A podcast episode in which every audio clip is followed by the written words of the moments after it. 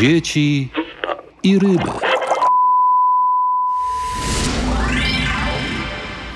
Wygląda na to, że ład światowy się sypie i może runąć w każdej chwili i wojna na Ukrainie jest tylko elementem wielkiej rywalizacji mocarstw. Uważa historyk i publicysta Piotr Zychowicz, nawiązując do sytuacji wokół Ukrainy. Świat zamarł w niepokoju po incydencie nad Morzem Czarnym, kiedy rosyjskie myśliwce Su-27 przechwyciły amerykańskiego drona MQ-9 Reaper, powodując jego runięcie do wody i zniszczenie. Do zdarzenia doszło 14 marca. Amerykański dron przelatywał w pobliżu Krymu. Zmierzał w kierunku rosyjskiej granicy, mając wyłączone transpondery. Przy tym naruszył międzynarodową przestrzeń powietrzną w strefie ograniczonej na czas trwania działań wojennych w tym regionie. Po wykryciu bezzałogowca w powietrze wzbiły się rosyjskie myśliwce. W wyniku gwałtownych manewrów nastąpił niekontrolowany lot drona, który stracił wysokość i runął do wody. Tak skomentowało później incydent Ministerstwo Obrony Rosji. Z kolei dowództwo sił zbrojnych USA w Europie podało wersję, że niby jeden z rosyjskich odrzutowców uderzył w bezzałogowca, co spowodowało katastrofę i całkowitą utratę MQ-9. Wielu uznało, że ten incydent mógłby stać się powodem do rozpoczęcia III wojny światowej. Historia z dronem nad Morzem Czarnym powinna nas wszystkich zaniepokoić i dać do myślenia. Uważa Michał Kobosko, dziennikarz prasowy i działacz polityczny do morza spadł amerykański dron bojowy MQ-9 Reaper. To nie jest mały dronik, to jest maszyna, która ma 20 metrów rozpiętości skrzydeł, może przenosić ponad tonę uzbrojenia i kosztuje kilkadziesiąt milionów dolarów. To najpoważniejszy incydent między armiami Stanów Zjednoczonych i Rosji od początku wojny w Ukrainie. Trwa wojna w naszym bliskim sąsiedztwie i incydenty mogą i będą się zdarzać. Wczoraj nad Morzem Czarnym, jutro być może nad Bałtykiem. Sami przecież mieliśmy już smutne doświadczenie w przewodowi.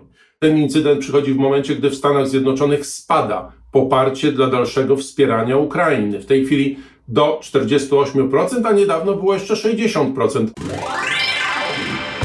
Stany Zjednoczone i NATO stworzyły sytuację nie do przyjęcia wokół rosyjskich granic. Dron, który spadł, to bardzo potężna maszyna zwiadowcza i bojowa klasy strategicznej. Czy miał ze sobą rakiety? Tego na razie nie wiadomo. A co mógł robić w pobliżu Krymu? Podobno MQ-9 Reaper prowadził zwiat dla ukraińskich sił zbrojnych w poszukiwaniu morskich i lotniczych celów ewentualnych uderzeń na terytorium Rosji. Rosyjskie siły zbrojne dowiedziały się o tym już wcześniej. Okręty floty czarnomorskiej zostały postawione w stan gotowości, a następnie w niebo wzbiły się odrzutowce.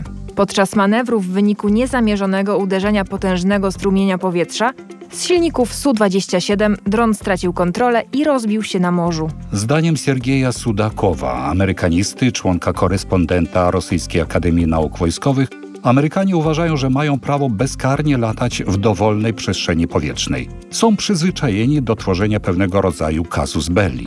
Ekspert jest jednak daleki od stwierdzenia, że incydent z dronem można uznać za powód do rozpoczęcia działań zbrojnych. Wiele zachodnich mediów krzyczało, że to oczywiście kazus belli, że Amerykanie powinni udzielić ostrej odpowiedzi. Ale według moich oczekiwań ten incydent powinien zakończyć się wyłącznie reorientacją na inne pole informacyjne. Doskonale zdajemy sobie sprawę, że dron, którego straciły USA, jest tylko pretekstem do zamknięcia luk informacyjnych, które nie są dla nich opłacalne. Pierwszą z nich jest oczywiście stan systemu finansowego, a dokładnie upadek ich banków. Druga historia ma związek z absolutnie oczywistym faktem, że USA są odpowiedzialne za wysadzenie dwóch nitek Nord Streamu. Muszą odwrócić uwagę opinii publicznej od prawdziwych problemów. W wiadomościach przestano już dyskutować o dronie. Amerykanie tylko ostrzegli nasz sztab generalny i nasze Ministerstwo Obrony, że nadal będą zbierać informacje na Morzu Czarnym, mówi Siergiej Sudakow. O tym, że incydent z udziałem drona i Su-27 raczej poważnie nie nadwyręży stosunków amerykańsko-rosyjskich, mówi też Jakow Kedmi, izraelski polityk i dyplomata, były szef wywiadu NATIF. Według niego możliwość starcia militarnego pomiędzy dwoma krajami jest wykluczona. Waszyngton raczej podejmie niezbędne środki związane z bezpieczeństwem lotów.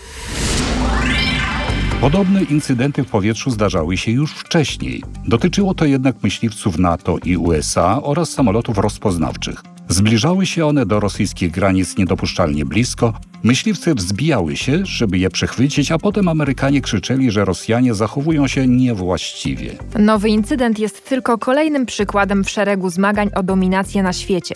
Piotr Zychowicz jest przekonany, że rozpoczął się okres tak zwanej transformacji ładu światowego, żeby złapać nową równowagę, nowe zasady, na jakich funkcjonuje świat, bo główne mocarstwa się nie zgadzają na dotychczasowy ład i wybuchają wtedy wojny. Świat jednobiegunowy, kiedy Stany Zjednoczone były jedynym hegemonem i supermocarstwem, przechodzi do historii, a przynajmniej jest kilku pretendentów, którzy chcieliby ten stan zmienić, czyli Rosja, Chiny e, przede wszystkim, no i Amerykanie tego bronią. W związku z tym w pewnym sensie wojna na Ukrainie jest trochę konfrontacją Rosji z Stanami Zjednoczonymi. No i oczywiście trzymamy kciuki za Ukrainę, ale patrzymy na tę sprawę realistycznie. Wiadomo, że są, jest to element wielkich zmagań mocarstw.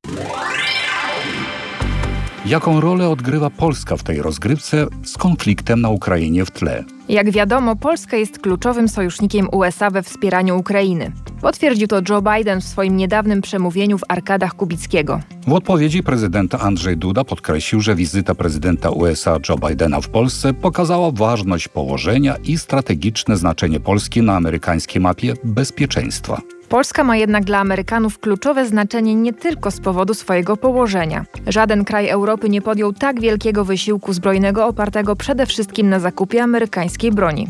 To amerykański Westinghouse będzie budował pierwszą siłownię jądrową nad Wisłą, a amerykański LNG w coraz większej ilości dociera do portu w Świnoujściu. W zbliżeniu obu krajów pomaga też nastawienie polskiego społeczeństwa.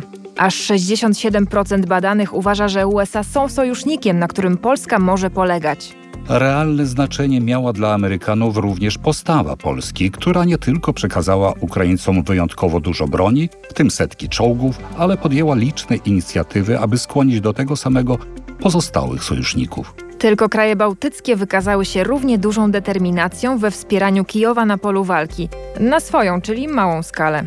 Media obiegła niedawno informacja, że Polska jako pierwsza przekaże Ukrainie najpierw cztery, a potem jeszcze kilka samolotów MiG-29. Dyskusja o przekazaniu przez Polskę MIG-ów trwa od marca ubiegłego roku. Wówczas jednak oficjalnie wycofano się z tego pomysłu. Nieoficjalnie Polacy przekazali kilka samolotów, rozłożonych na części.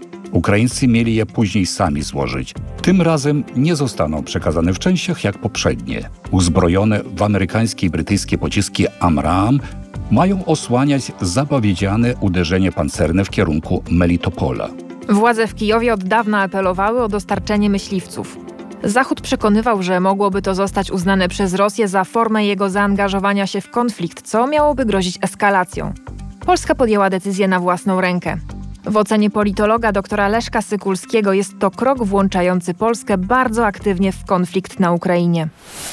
Amerykanie próbują sobie, można powiedzieć, zdyskontować swoje niepowodzenia na Bliskim Wschodzie w Europie. Próbują tutaj rozszerzać swoje strefy wpływów. Polska jest niewątpliwie kluczowym aktorem w tej rozgrywce amerykańskiej. Jest traktowana jako zderzak strategiczny przez Stany Zjednoczone, stąd te wszystkie plany związane z wsparciem dla Ukrainy, jeśli chodzi o wsparcie militarne. Bardzo niepokojące tutaj są, no, na tym tle są te słowa ambasadora Polski we Francji, który powiedział, że jeżeli Ukraina nie obroni swojej niepodległości, to wówczas Polska będzie zmuszona dołączyć, wejść w ten konflikt tam. To pokazuje, jak silna jest partia wojny w Polsce.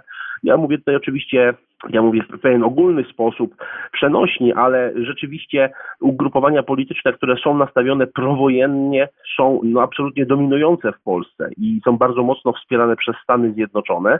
Oczywiście są siły polityczne w Polsce, które głośno mówią nie dla wojny, to nie nasza wojna, ale są to ruchy społeczne obecnie będące w zdecydowanej mniejszości. USA wyznaczyły Polsce w działaniach zbrojnych na wschodniej flance NATO rolę lokomotywy, uważa Siergiej Sudakow. Polakom bardzo udała się rusofobia i konkurują w niej ze swoimi nadbałtyckimi sąsiadami Łotwą, Litwą i Estonią. Ale wydaje mi się, że w tej chwili wszystkie wypowiedzi, które padają, pochodzą z Białego Domu. W tej chwili w Ameryce jest bardzo szeroko rozpowszechniony, wyjątkowo gorzki żart. Amerykanom nie tylko kończy się broń, Amerykanom kończą się Ukraińcy, którzy muszą walczyć. My wyprodukujemy nowe rakiety, ale nie będziemy w stanie wyprodukować nowych wojowników na Ukrainie. I będą nimi Polacy.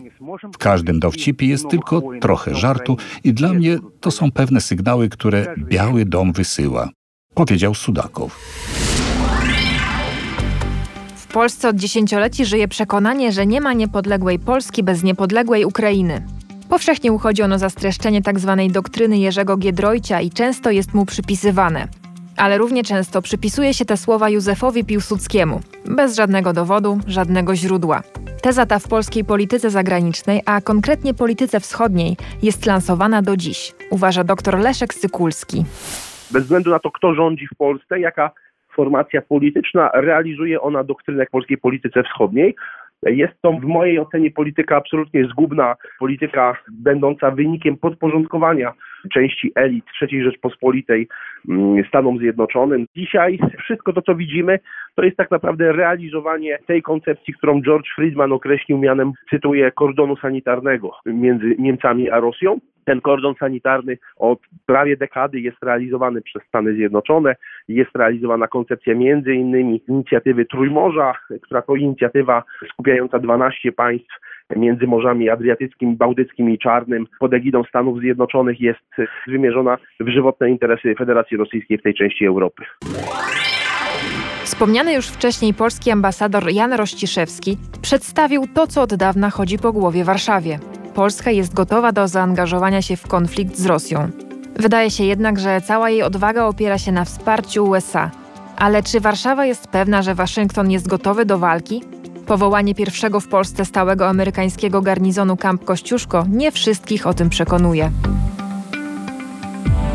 Był to kolejny odcinek podcastu Dzieci i ryby głosu nie mają.